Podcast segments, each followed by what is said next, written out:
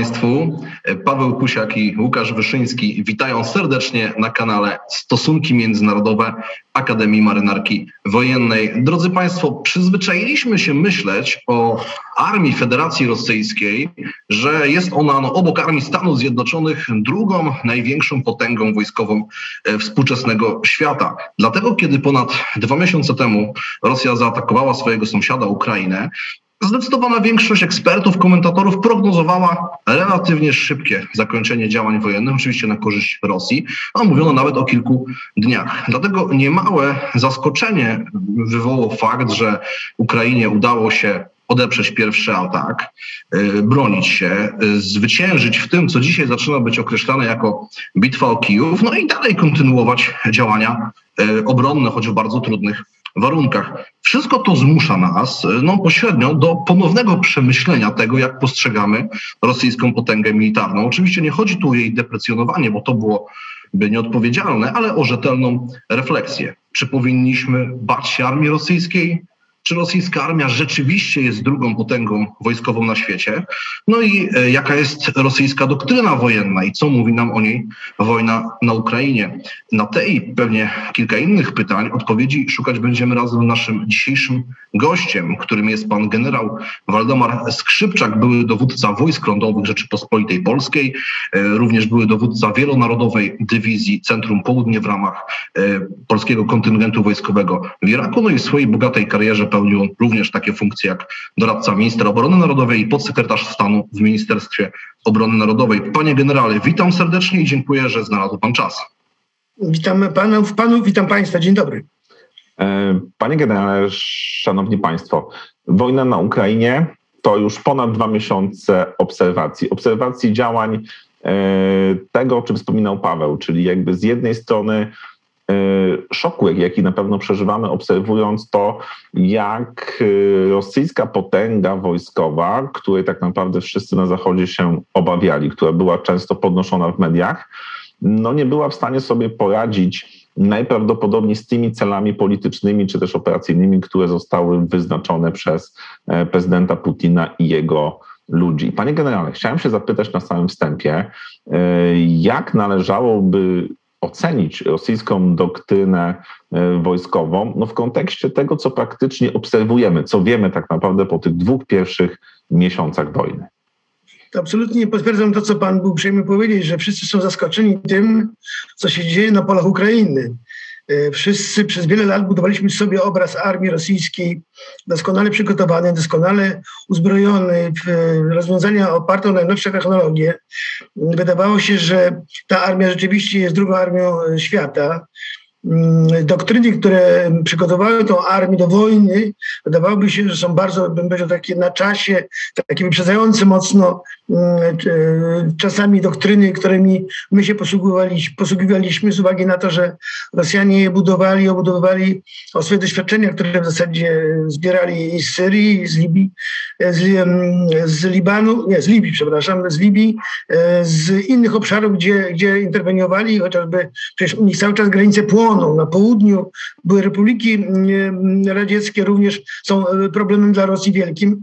Zatem te doktryny, które oni cały czas unacześniali, które nazywają się doktrynami, doktrynami Gerasimowa, wydawało się, że one zapewnią armii, która jest tak silną armią, drugą potęgą świata, zapewni powodzenie w każdej operacji bojowej. I te operacje, które oni prowadzili dotychczas, do czasu e, wojny e, z Ukrainą, wydawało się, że one są niezwykle skuteczne, bo w zasadzie i cele swoje, które sobie zakładali w ramach tych operacji, osiągali.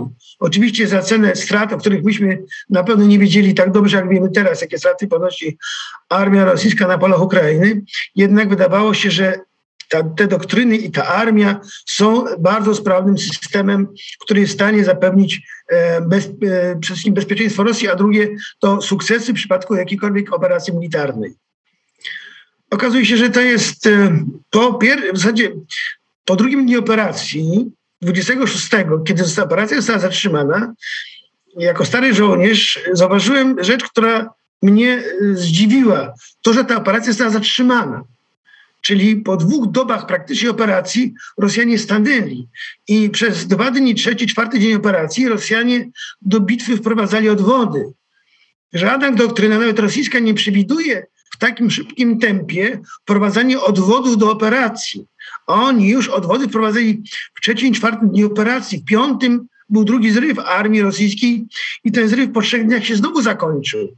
Czyli widać wyraźnie, że ta machina, która wydawało się sprawną jest, która ma tak doskonale opracowane doktryny, a stosowne doktryny rodzaju sił zbrojnych, doktryny rodzaju wojsk, ta machina nie chodzi, ona jest nienoliwiona chyba, ona skrzypi bardzo, bo te zadania, które sobie zakładali, w ogóle są osiągane. I w zasadzie dla mnie po drugiej dobie operacji ten mit niezwyciężonej, doskonale przygotowanej, doskonale dowodzonej armii rosyjskiej legł w gruzach, zacząłem się zastanawiać nad przyczynami tego, co tam wartykowałem w niektórych moich wypowiedziach. Czy to tutaj, y, panie, y, panie generale, jak mogę zapytać, na zasadzie, czy słusznym jest to, że mówi się, że tak, z jednej strony na pewno strona rosyjska nie doszacowała e, strony ukraińskiej w sensie i nastawienia społecznego, i z drugiej strony tego, że wojska ukraińskie no, będą jednak dobrze zorganizowane i że będą postępowały w sposób bardziej systematyczny, czyli jakby nie podpalą się tym, tym nazwijmy to pierwszym rajdem wojsk rosyjskich. A z drugiej, z drugiej strony, czy tutaj znaczenie miało też to, że wojska rosyjskie musiały operować, no właśnie, w zupełnie innej skali, na zupełnie innym obszarze, jeżeli chodzimy o ten, o, ten, o to terytorium, niż te wszystkie operacje, o których Pan mówił, gdzie rzeczywiście wszyscy wyrobiliśmy sobie obraz sprawnej armii, skutecznej, ale mimo wszystko działającej na bardzo wąskim wycinku terenu, jednak w mniejszej skali, a tutaj okazało się, że w takiej operacji, nie wiem czy używam poprawnych słów, pełnoskalowej, no okazało się, że jednak to, to co pan generał powiedział, e, to zarządzanie, logistyka się wysypały trochę. Panowie, ja do 24, do czasu rozpoczęcia wojny nie wierzyłem, że ta wojna będzie w ogóle. Ja to mówiłem publicznie, że tej wojny nie będzie, ale wynikało to z mojej oceny sytuacji operacyjnej. Bo żeby taką wojnę, żeby tą wojnę zaczynać, Rosjanie powinni mieć przewagę nad Ukraińcami co najmniej 3, 4, 5-krotnie. Oni nie mieli tej przewagi w ogóle, więc ja z, patrząc na doktryny rosyjskie, patrząc na zasady walki i sztukę wojenną, oceniałem, że tej wojny nie będzie, no bo dla mnie e, to była decyzja niedopuszczalna, żeby nie mając przewagi zdecydowanym przeciwnikiem zaczynać wojnę. Stało się to jednak faktem. Ale to wynikało z wielu rzeczy, o które pan pyta. Wynikało to przede wszystkim z tego, że elity polityczne i wojskowe uprawdopodobniły Putinowi szybki sukces na, e, na Ukrainie przekonywali pewnie Putina i to wielu wierzyło, że wschodnia Ukraina to są prorosjanie, są to sympatycy Putina i w zasadzie oni będą go witali z kwiatami jako zwycięzcę, wyzwoliciela spod e, okupacji tego faszyzmu e, ukraińskiego. Okazało się, że Rosjanie przygotowali operację, ale moim zdaniem to, co pan wspomniał, nie doszacowali sił przeciwnika. Ale to wynikało, tak powtarzam, z tego uprawdopodobnienia elit moskiewskich tym, że przeciwnik jest słaby, że tam są zwolennicy Putina i że w zasadzie to będzie marsz i do defilady, że to będzie defilada w Kijowie bardzo szybko na Kreszczetiku. Niedoszacowanie przeciwnika to poważny błąd. E, uważam, że wojskowi albo zawiodą rozpoznanie, albo oni się wszyscy wzajemnie oszukiwali, ale dla mnie to, że nie stworzono właściwej przewagi, wynikało z tego, że, tak jak pan wspomniał, nie doszacowano przeciwnika, mało tego, nie oceniono właściwie jego potencjału militarnego, jego możliwości, jego przygotowania i moim zdaniem również nie doceniono albo zbudowano fałszywy, obraz y, tej ludności, która tą wschodnią część Ukrainy zamieszkuje. E, popełniono, popełniono błąd. Był taki czas jeszcze lat temu 10, że Ukraińcy jeździli do pracy do Rosji. A od 10 lat Ukraińcy jeździli do pracy już na zachód. Zupełnie inaczej postrzegali Rosję, inaczej postrzegali Zachód. I wydaje się, że to dużo zmieniło ich mentalności, podejściu i postrzeganiu Moskwy i Putina. Kiedy zaczęła się ta operacja, to wydaje mi się, że oni mieli, Rosjanie mieli dwa plany. Pierwszy plan to był Blitzkrieg. Wydawało mi się, że w ciągu kilku dni opanują e, to, co chcą opanować. Główne cele operacja, głównym celem był bez wątpienia e, Kijów. Kiedy operacja pojedynczentowa w rejonie Hostomela im się nie udała, wielkie niepowodzenie, źle przygotowana operacja, moim zdaniem zupełnie źle przygotowana operacja, to w tym momencie runął i pierwszy plan. Drugim planem nie mieli planu awaryjnego na operację, mieli tylko jeszcze drugi, drugi plan, ale ten drugi plan to był na defiladę w, e, w Kijowie.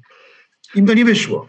A zatem musieli, dlatego też to, co się działo trzeciego i czwartego dnia operacji, to było szybkie szukanie rozwiązań, jak tę operację dalej prowadzić. Skoro plan zasadniczy ten, tego bliskiego legł w gruzach, nie udało się zająć Kijowa, to szukano rozpaczliwie planu awaryjnego, którego nie było.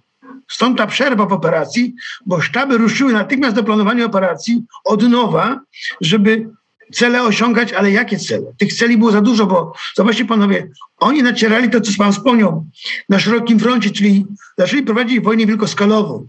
Uderzyli na kilku kierunkach. Ten potencjał, który był zgromadzony, co mówiłem wcześniej, nie było tej przewagi, która by im gwarantowała prowadzenie operacji pełnoskalowej wojnie, oni prowadzili operacje na kilku kierunkach, ja bym powiedział nawet na kilkunastu. I te armie, które były zgromadzone do tej operacji, one nie miały takiego potencjału, żeby prowadzić działania głębokie, czyli takie, które pozwoliłyby im w szybkim tempie wyjść na Dniepr. Bo ja sądziłem pierwotnie, że ich y, celem, który chcą osiągnąć, to jest wyjście y, na linię Kijów-Odessa, później na linię Dniepru. Ale widać wyraźnie, że nie było potencjału, żeby te zadania w skali operacyjnej wykonać bo te armie nie były w pełni rozwinięte. Rosjanie mają potencjał na, powiedzmy, formalnych dokumentach do tego, żeby y, mieć taki potencjał do takiej wojny, ale Rosjanie nie zmobilizowali wystarczającej wielkości ten potencjał, bo oni liczyli na tą Blitzkrieg. Oni w miesiącu listopadzie ubiegłego roku zmobilizowali w centralnym wschodnim okręgu około 30 tysięcy rezerwistów i wcielili do tych jednostek, które potem były przegrupowane z Centralnego Wschodniego Okręgu Wojskowego na Białoruś i na północ od Kijowa, bo one tam były głównie zgrupowane. Ale to było za mało, bo w tej chwili widać to wyraźnie, po wyczerpujących bitwach na terenie Ukrainy Rosjanie nie mają odwodów. I o tym się mówi od dłuższego czasu, że będzie powszechna mobilizacja, ale pewnie do tego dojdziemy. Generalnie Rosjanie nie byli tym potencjałem, który przygotowali sobie, do 24 nie byli przygotowani, gotowi do prowadzenia wojny wielkoskalowej. To, co pan powiedział. Panie generale, no właśnie powiedział pan, że po trzecim dniu wydaje się, że sztaby usiadły do pracy i zaczęły na nowo analizować sytuację. Zresztą później, w tym drugim okresie wojny, mamy już wyraźnego dowódcę, prawda, generała Dwornikowa. Wcześniej takiej osoby nie mogliśmy wskazać konkretnie, kto odpowiada za całość operacji. To też pokazuje pewną refleksję. Jak pan uważa, to znaczy, y, co się, co się stało po tym, y, po, po, po nieudanym tym pierwszym etapie? Trudno powiedzieć, jeszcze, jeszcze za mało czasu minęło, żebyśmy mogli go jasno wyodrębnić, ale i i co, y, jaki jest aktualnie plan y, no, no, tych, którzy kierują tą operacją. Y, no i w kontekście tego, co pan powiedział wcześniej, sił, które są, które wiele wskazuje, że na początku były zbyt małe. No i jedną rzecz jeszcze do tego dodam. Straty. Ja wiem, że trwa wojna informacyjna równoległa do wojny e, kinetycznej i my nie możemy być pewni żadnych informacji, bo też nie możemy się łudzić, że Ukraińcy podają fa- prawdziwe dane, ale te straty rosyjskie, nawet weźmy tylko ludzi, no bo umówmy się, dzisiaj w nowoczesnej wojnie wyszkolenie człowieka jest, e, no dużo, ma nawet dużo większe znaczenie niż wcześniej. E, na pewno dużo większe znaczenie. No to te straty mówić, nawet się mówi o 20 tysiącach. To już by było więcej niż w Afganistanie w latach 80.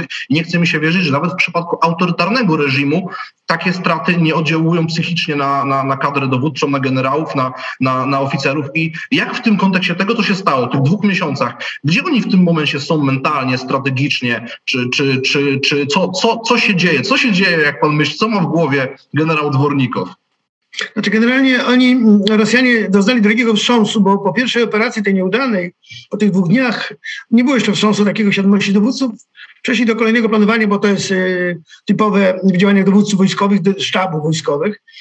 Ale ten drugi wstrząs, który mieli, który przeżyli między 8 a 9 a 10 dniem operacji, kiedy zostali znowu zatrzymani, to był poważny wstrząs. I tutaj zaczęły się poszukiwania już winnych. Gdzie, kto zawiódł, gdzie, co zawiodło. I wtedy już poleciały pierwsze głowy, można powiedzieć, u dowódców na poziomie związków taktycznych, czyli dywizji, brygad być może też.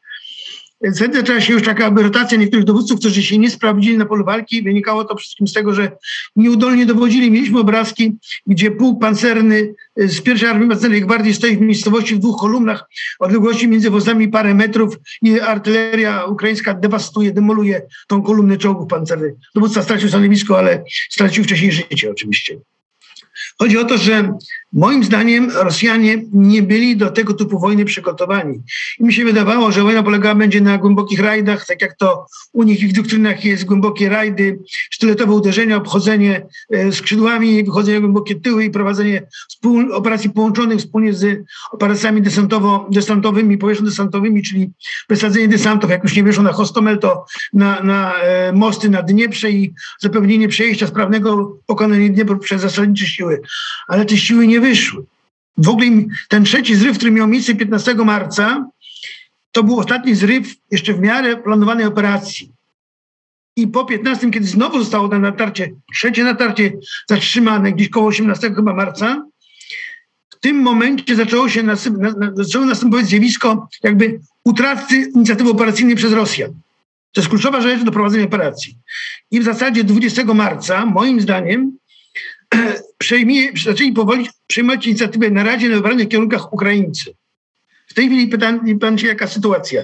Moim zdaniem w tej chwili mm, inicjatywa operacyjna jest po stronie Ukraińców.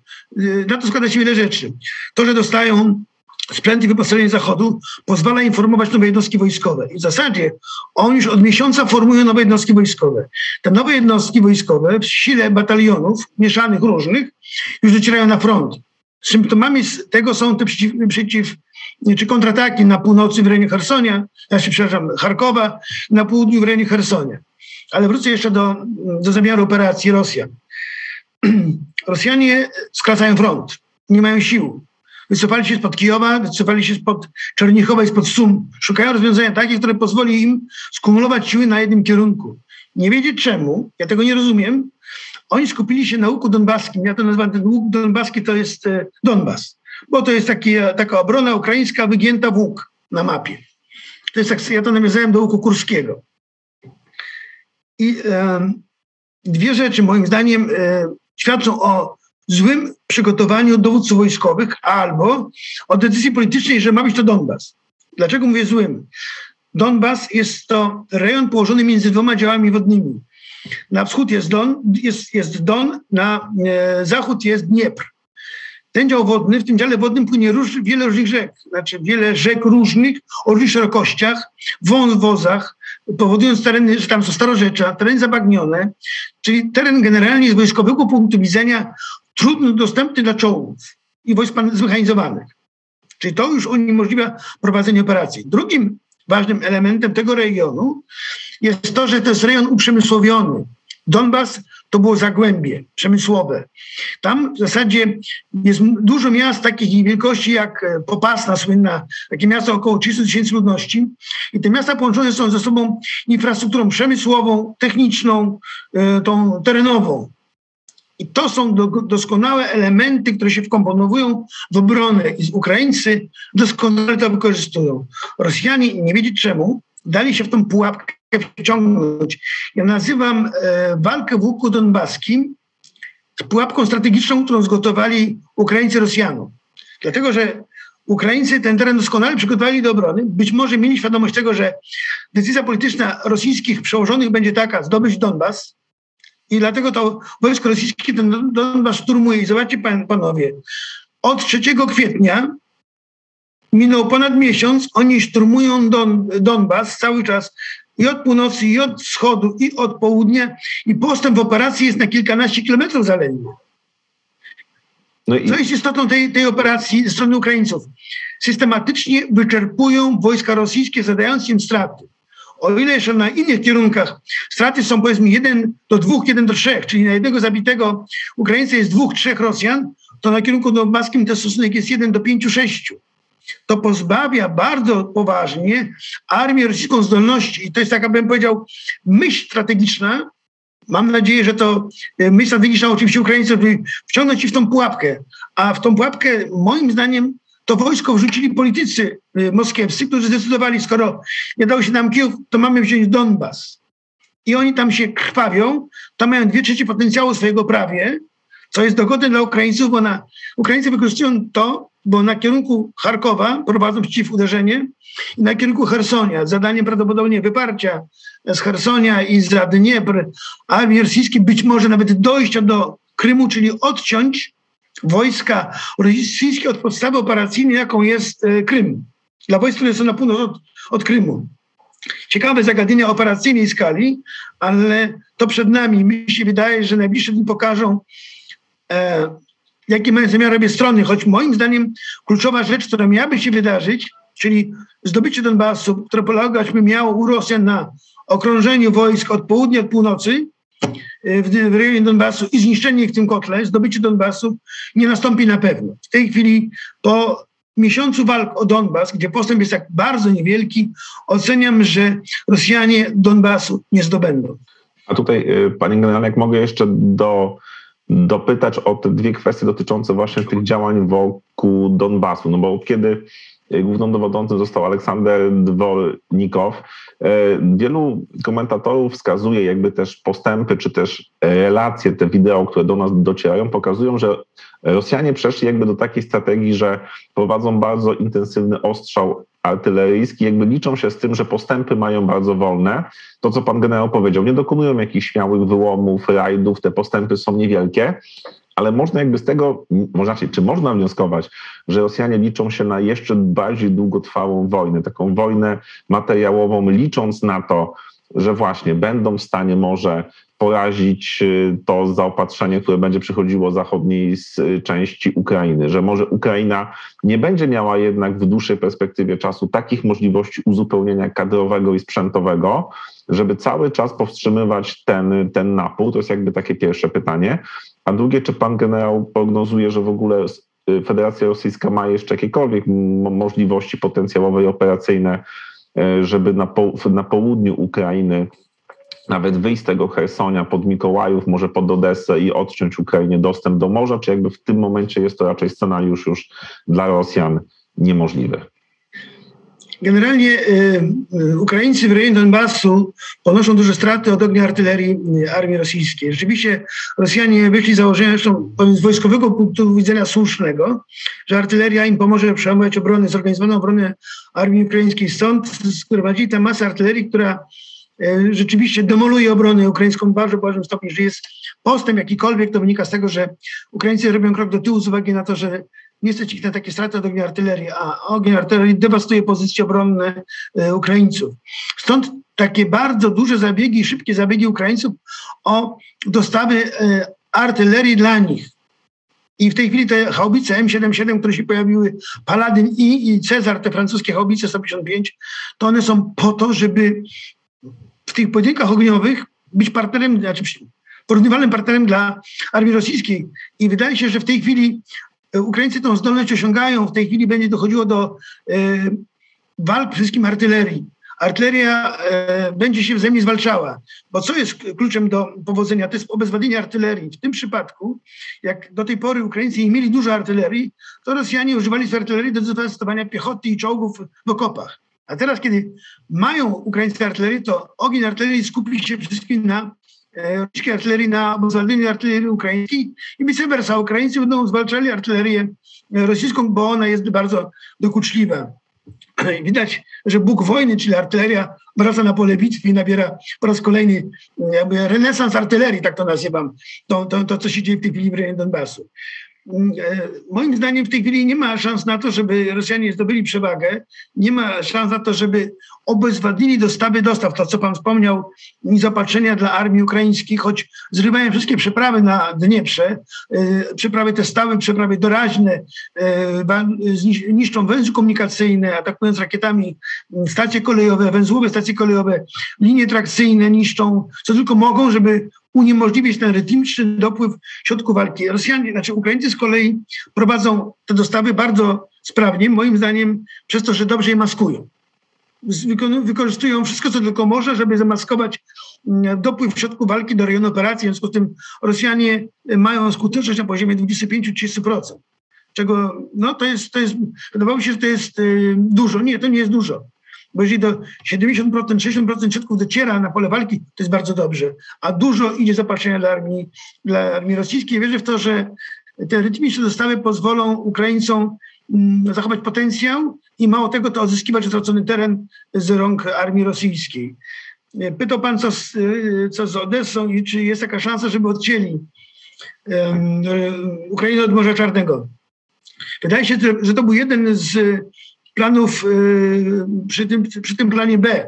Kiedy 5 ruszyli drugiego zrywu, oni plan zmodyfikowali i mieli dwie brygady piechoty morskiej, 180 i 336 z Kaliningradu od was, z północy, które miały być wysadzone właśnie w rejonie Odessy. Rosjanie nie docenili tego, jak się Odessa i rejon Odessy przygotowały do obrony. Oni zorientowali się, kiedy zobaczyli, że Ukraińcy w tym rejonie mają też swoje wojska zgromadzone, że brzegi są przygotowane, żeby być zaporami do desantu morskiego. Mm, ta piechota morska wyszkolona, ale one miały gdzie wylądować. Dlatego, że e, brzegi morskie były zaminowane, były tam miny pływające różnego typu. Mm, Ukraińcy e, spuścili tę na wodę. Zatem Rosjanie wiedzieli również o tym, że Ukraińcy dysponują systemami przeciwokrętowymi Neptun. Mają taki swój i przemysł to taki, taki ten system zbudował, bardzo, bardzo, bardzo dobry są system. I wydać, wydawało się, że ta operacja dojdzie do skutku. Ja ją wykluczałem. Dlaczego? Dlatego, że operacja lądowa, która szła z Hersonia przez Mikołajów, nie rozwijała się zgodnie z ich planem. Nie mogli pokonać limanu y, rzeki, nie pamiętam jak się ta rzeka, Boch, Boch, przez Samocha, taka rzeka, wiem, z historii pamiętamy, y, kiedy nasi hetmani się tam zapędzali. I e, rzeka płynie w limanach. Limany są takie wąwozy, szerokie na kilkanaście kilometrów, o stromych zboczach. I Ukraińcy doskonale przygotowali te limany do obrony. Żeby wojska rosyjskie mogły dojść do Odessy, muszą pokonać chyba trzy albo cztery limany. Takie wąwozy, bronione wąwozy. Oni zostali odparci od Mikołajowa, bo nie byli w stanie sforsować limanów. Zatem ja oceniłem już w szóstym, siódmym dniu operacji, że Odessa jest absolutnie niezagrożona, bo desant nie był, nie był uzasadniony w sytuacji, gdyby wojska od północy, od Mikołajowa nie doszłyby do Odessy. Absolutnie wykluczyłem to i powiedziałem to wyraźnie. Choć cały czas media mówiły o tym, że desant jest, że może być, nie. Jak nie było przerwania obrony na Mikołajowie, na limanach od północy Odessy, nie było szans na to, żeby desant był wysadzony. Co się stało z tymi brygadami piechoty morskiej? Jedna walczy w Chersoniu, pod Chersoniem, 336, a 180 została wysłana pod Mariupol, a teraz pod Zaporożem. Także operacji morskiej, desantowo-morskiej nie będzie, choć wielu by chciało, żeby była. E, także moim zdaniem e, szans na odcięcie Ukrainy od Morza Czarnego w tej chwili absolutnie już nie ma, wykluczam to absolutnie. I, a te straszenie nas wojskami z Naddniestrza jest moim zdaniem daleko nieuzasadnione, ponieważ tam nie ma potencjału zdolnego do tego, do jakiejkolwiek operacji e, bo to jest grupa poziomie, na poziomie taktycznym. Drugie, one szefowane przez dwie brygady armii ukraińskiej, które czekają tylko na to, że one się stamtąd ruszą. Panie, panie generale, mówiąc o Rosji jednak i o tym, że ta operacja nie idzie zgodnie z rosyjskim planem, jej koszty rosną, działania Ukrainy y, są, wydaje się, że y, nawet jeżeli Ukraińcy się cofają, to tak jak pan generał powiedział, jest to kontrolowane. Y, dostawy z zachodu docierają w dużym stopniu. No, jest, tak jak wspomniałem, jest chaos informacyjny, ale docierają informacje, że nawet za granicą ćwiczą się w obsłudze sprzętu Ukraińcy. No, dużo się mówiło, już oficjalnie potwierdzono te polskie czołgi, które ponad 200, które gdzieś tam y, w tym korpusie rezerwowym chyba teraz są, są, są instalowane i może będą również przesuwane w te rejony. Pewnie zobaczymy zdjęcia za jakiś czas, bo to szybko dość dość dociera i to można rozpoznać, ale musimy pamiętać, że Rosja nie jest zwykłym aktorem stosunków międzynarodowych w tym sensie, że jest to państwo należące do klubu nuklearnego. I rosyjscy politycy wielokrotnie wysyłali bardzo sprzeczne komunikaty. Raz troszeczkę straszące, raz łagodzące. Myślę tu o, o byłego prezydenta Miedwiediewa w wypowiedziach.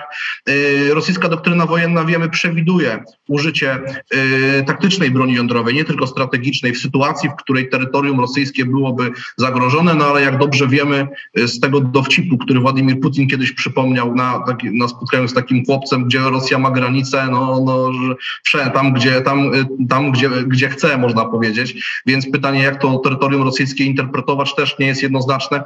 Zmierzam do takiego pytania, które emocjonuje bardzo wiele osób, yy, ale warto nad tym się również zastanowić. Czy uważa pan, że Rosja przyparta do muru, to znaczy przedłużająca się operacja, małe szanse na militarny sukces, trudno, trudne szanse na obrócenie tego w sukces polityczny mogłaby się zdecydować na uderzenie jądrowe, e, taktyczne na terytorium Ukrainy, a może odstraszające na terytorium innego państwa, państwa NATO?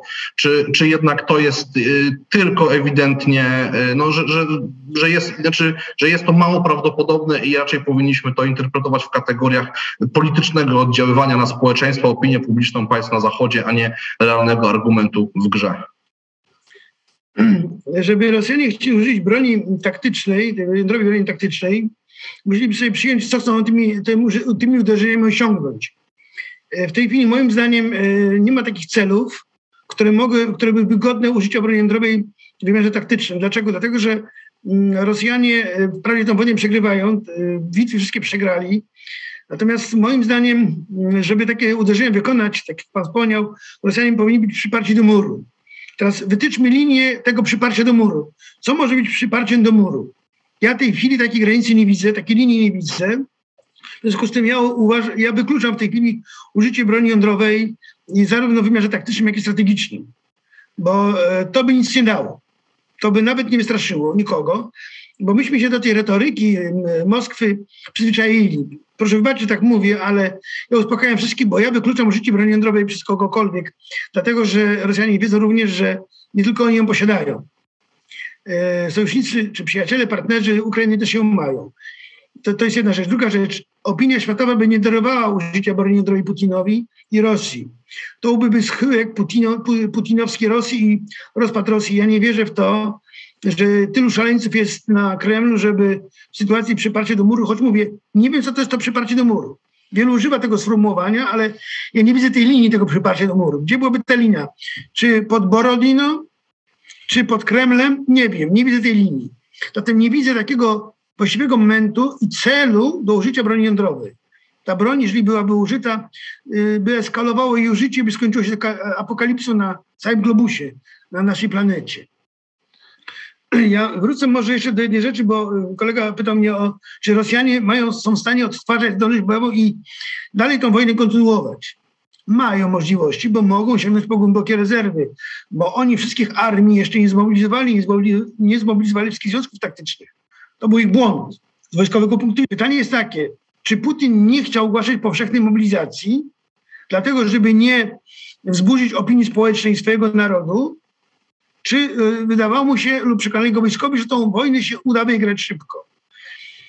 Putin musi sięgnąć po rezerwy, bo jeżeli on nie sięgnie po rezerwy w krótkim czasie, to Ukraińcy tą armię przepędzą z Ukrainy, przepędzą z Doniecka, Ługańska i kto nie, nie wie, czy z rozpędu oddziały rajdowe nie wiadą na Krym.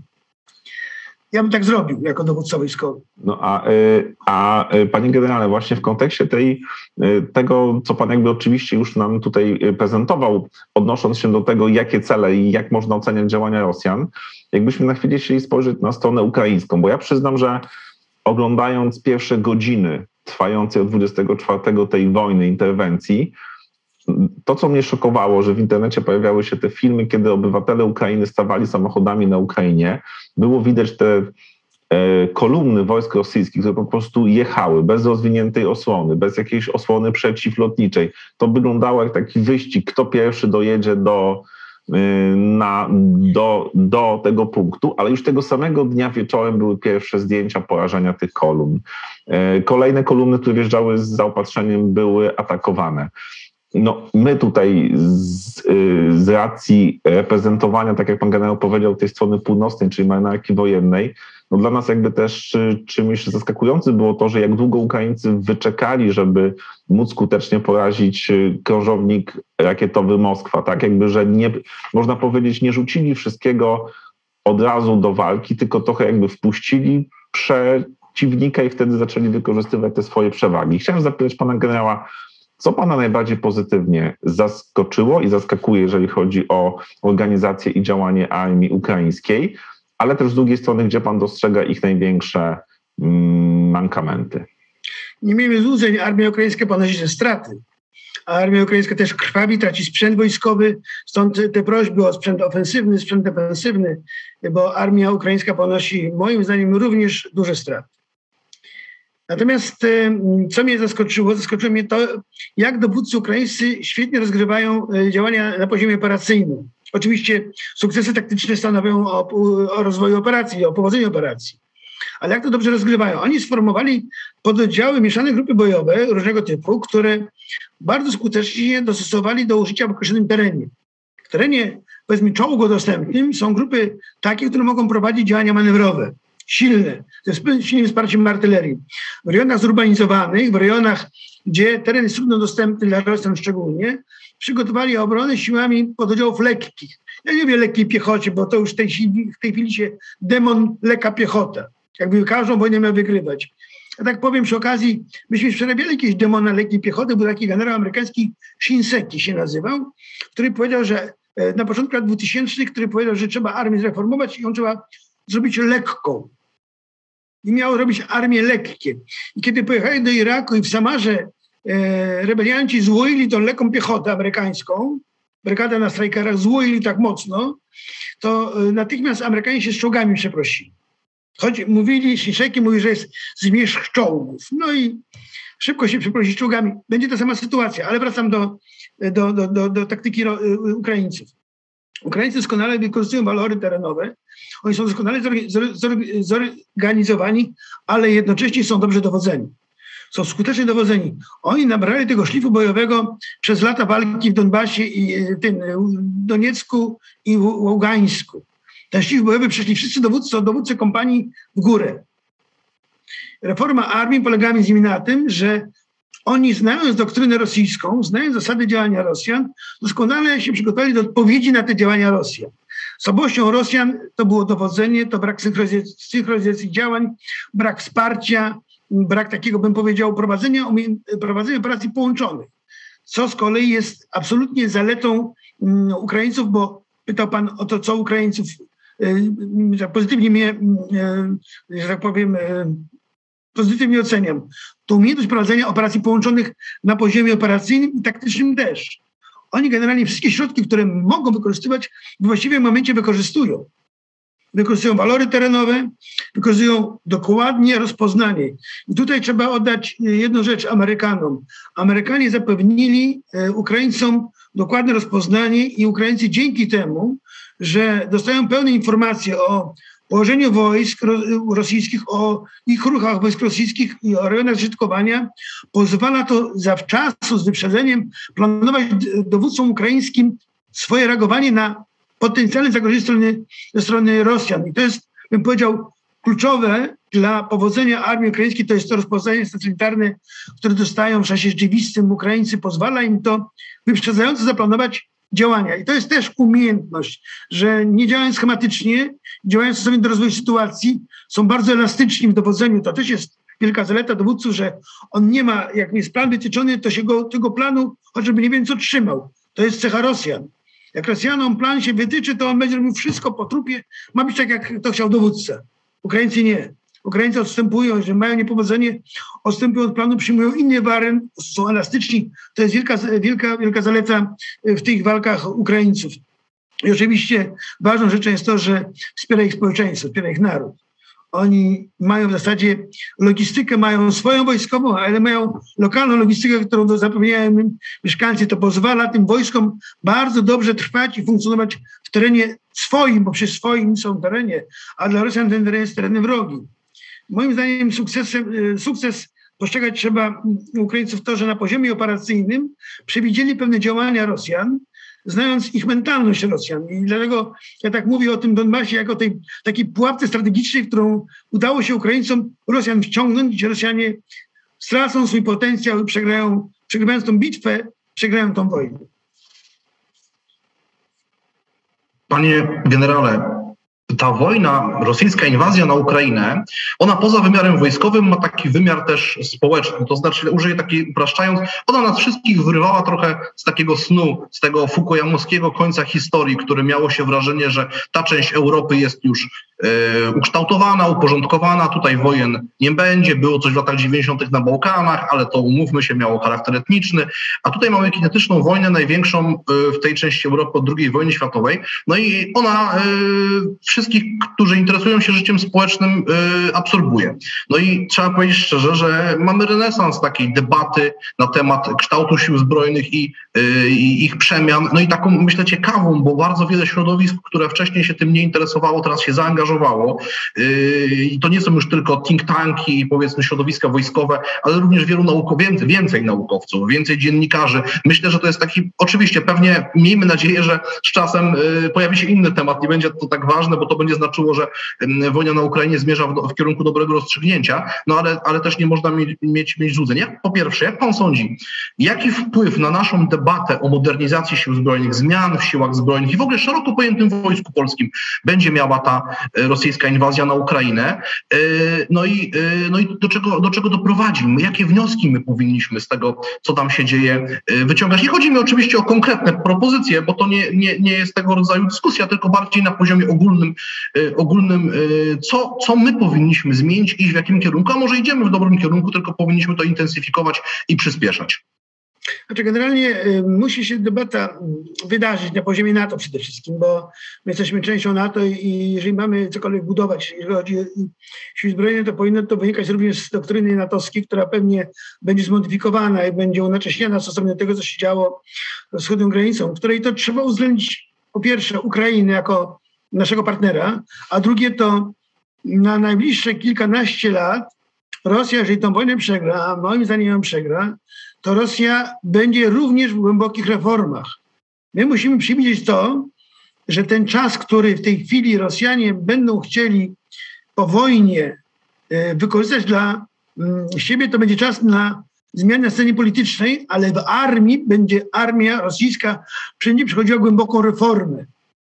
My nie definiujmy teraz naszej armii do tego, co było przed wojną. My budujmy armię taką, która będzie nam potrzebna na kolejną wojnę. My nie wiemy jeszcze jaką kolejną wojnę, ale wojnę taką, która, e, e do której się będą Rosjanie przygotowali po doświadczeniach wojny na Ukrainie. Armia rosyjska przez najbliższe lata nie będzie zdolna do jakiejkolwiek operacji wielkoskalowej, a tym bardziej wojny z NATO. Mamy czas na to, my jako Polska, NATO również, sojusz, żeby stosownie do E, tego, co się będzie działo i tego czasu, który nam dała Rosja, na tyle się zmodyfikować, na tyle sprognozować, co się może wydarzyć, żeby te siły zbrojne reorganizować. My w tej chwili, moim zdaniem, jeżeli podejmowaliśmy teraz działania, to na dzisiaj sytuacja jest taka, że my robimy wszystko tak, jakbyśmy się przygotowali do wielkoskalowej wojny z Rosją. Ale to Rosją, która na tą wojnę poszła 24. Takiej armii się będzie. Armia rosyjska po tej wojnie będzie przejdzie głębokie reformy, armia się rosyjska zmieni bardzo, w związku z tym my prognozujemy, w jakim kierunku mogą pójść zmiany w armii rosyjskiej i sobie do tego modyfikujmy siły zbrojne w NATO i w Polsce również. Bo na dzień dzisiejszy to, co robimy, to jest odpowiedź na tą armię która, rosyjską, która wyszła na wojnę 24 lutego.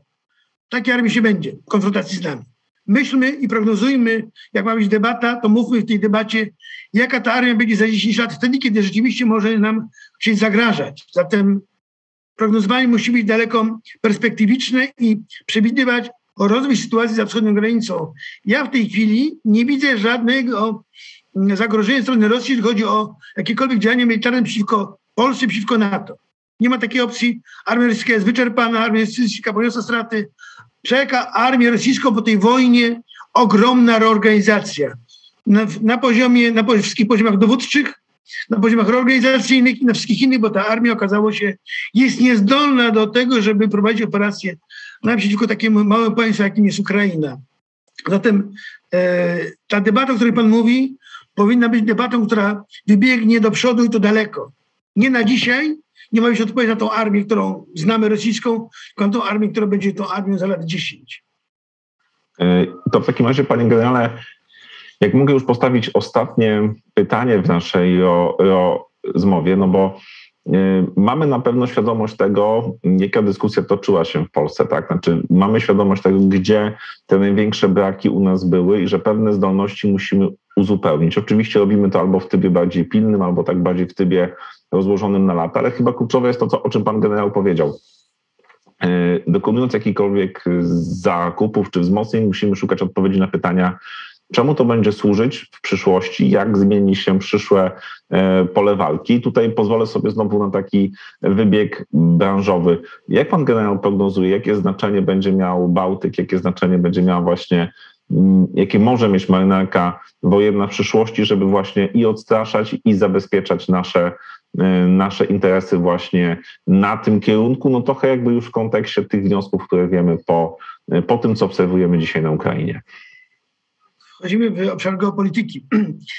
Ale to jest dobre pytanie, dlatego proszę pana, że ja pochodzę z Kołbrzegu, to też jest morze. Jestem y, absolutnie sympatykiem y, wszystkiego, co z Morzem związane bałtyckim jest. Natomiast ja od wielu lat mówię o przymierzu bałtyckim. I to powtarzam od wielu lat. Mówiłem to w kontekście między innymi Szwecji i Finlandii, że przecież Polska mogłaby mieć z nimi relacje bilateralne, wojskowe, przez misje wojskowe różne, dlatego że uważam, że dla nas, y, dla mnie, jako wojskowego, wiarygodniejszym sojusznikiem jest Finlandia, którą znam, Szwecja, Dania, państwa nadbałtyckie niż Węgry. Wybaczcie, że tak mówię, ale w kontekście naszego bezpieczeństwa jest to bardzo ważne, żeby Bałtyk był morzem, na którym panuje NATO. I dobrze się, się dzieje, że Finlandia i Szwecja aspirują do NATO, bo w tej chwili możemy się czuć na to bezpieczni, znaczy będziemy bezpieczni na Bałtyku, a e, dla mnie to, co się w Kaliningradzie dzieje, ta flota bałtycka, nie ma w tej chwili żadnego znaczenia. Ona dla mnie już nie istnieje jako zagrożenie. W momencie, kiedy Finlandia i Szwecja staną się członkami NATO. Bo razem stanowić będziemy, bierze w przyszłość polskiej marynarki wojennej, będziemy stanowić taki potencjał, że flota bałtycka w żaden, sposób, w żaden sposób nam nie zagrozi, jak to zagrażała nam zawsze.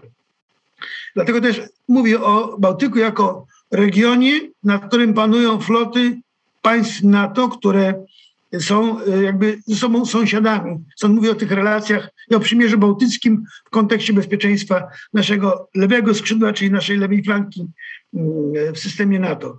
Wierzę w to, że to się stanie, że to się działo będzie i wierzę w to, że polska marynarka się odbuduje i polska marynarka będzie stanowiła poważny komponent w operacjach na Bałtyku w przypadku, gdyby flota, flota bałtycka chciała wyjść e, z swoich baz morskich.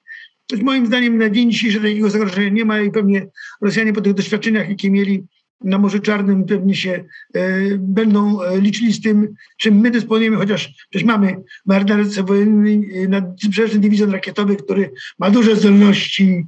Jeszcze ich nie próbował, ale jak oni spróbują, to my też spróbujemy. My próbujemy nasze zdolności. E, bardzo ważną rzeczą jest właśnie to są te relacje na północ, na naszej lewej flance, na relacje z, z państwami nadbałtyckimi, ja nie demonizuję nigdy, mówię o przesmyku suwalskim wbrew e, temu, co mówią Amerykanie, że ma takie kluczowe znaczenie. On dla mnie nie ma żadnego znaczenia, dlatego że obwód, obwód kaliningradzki jest ogniem artylerii przestrzeliwany. Nie ma, e, w każdej operacji, jaka by miała mieć miejsce w przypadku wojny z Rosją, obwód kaliningradzki powinien być natychmiast wyizolowany, opanowany w ramach operacji, żeby nie było tego, mm, powiedzmy, tego zagrożenia na skrzydle, na flance naszej. Zatem e, Przyszłość naszego bezpieczeństwa to jest również i Bałtyk, Przymierze Bałtyckie, polska marynarka wojenna. Mam ambicje morskie przecież. Możemy się na państwo morskie. No to realizujmy to.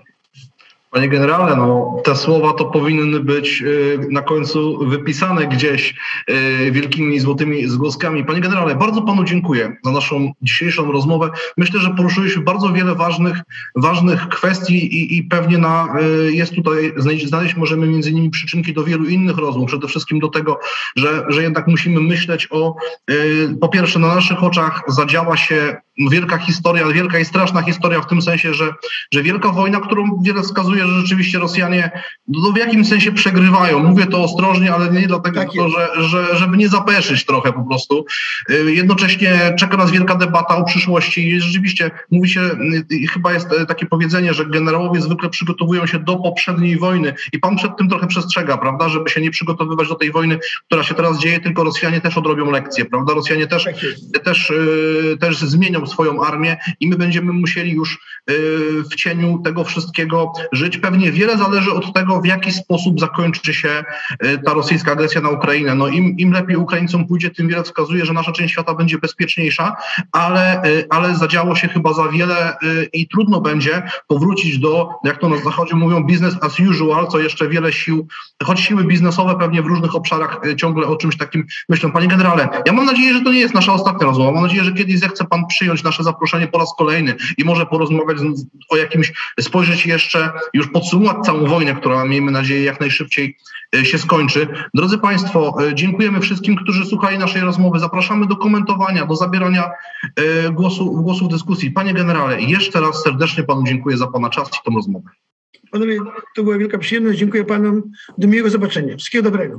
Dziękujemy. Do widzenia.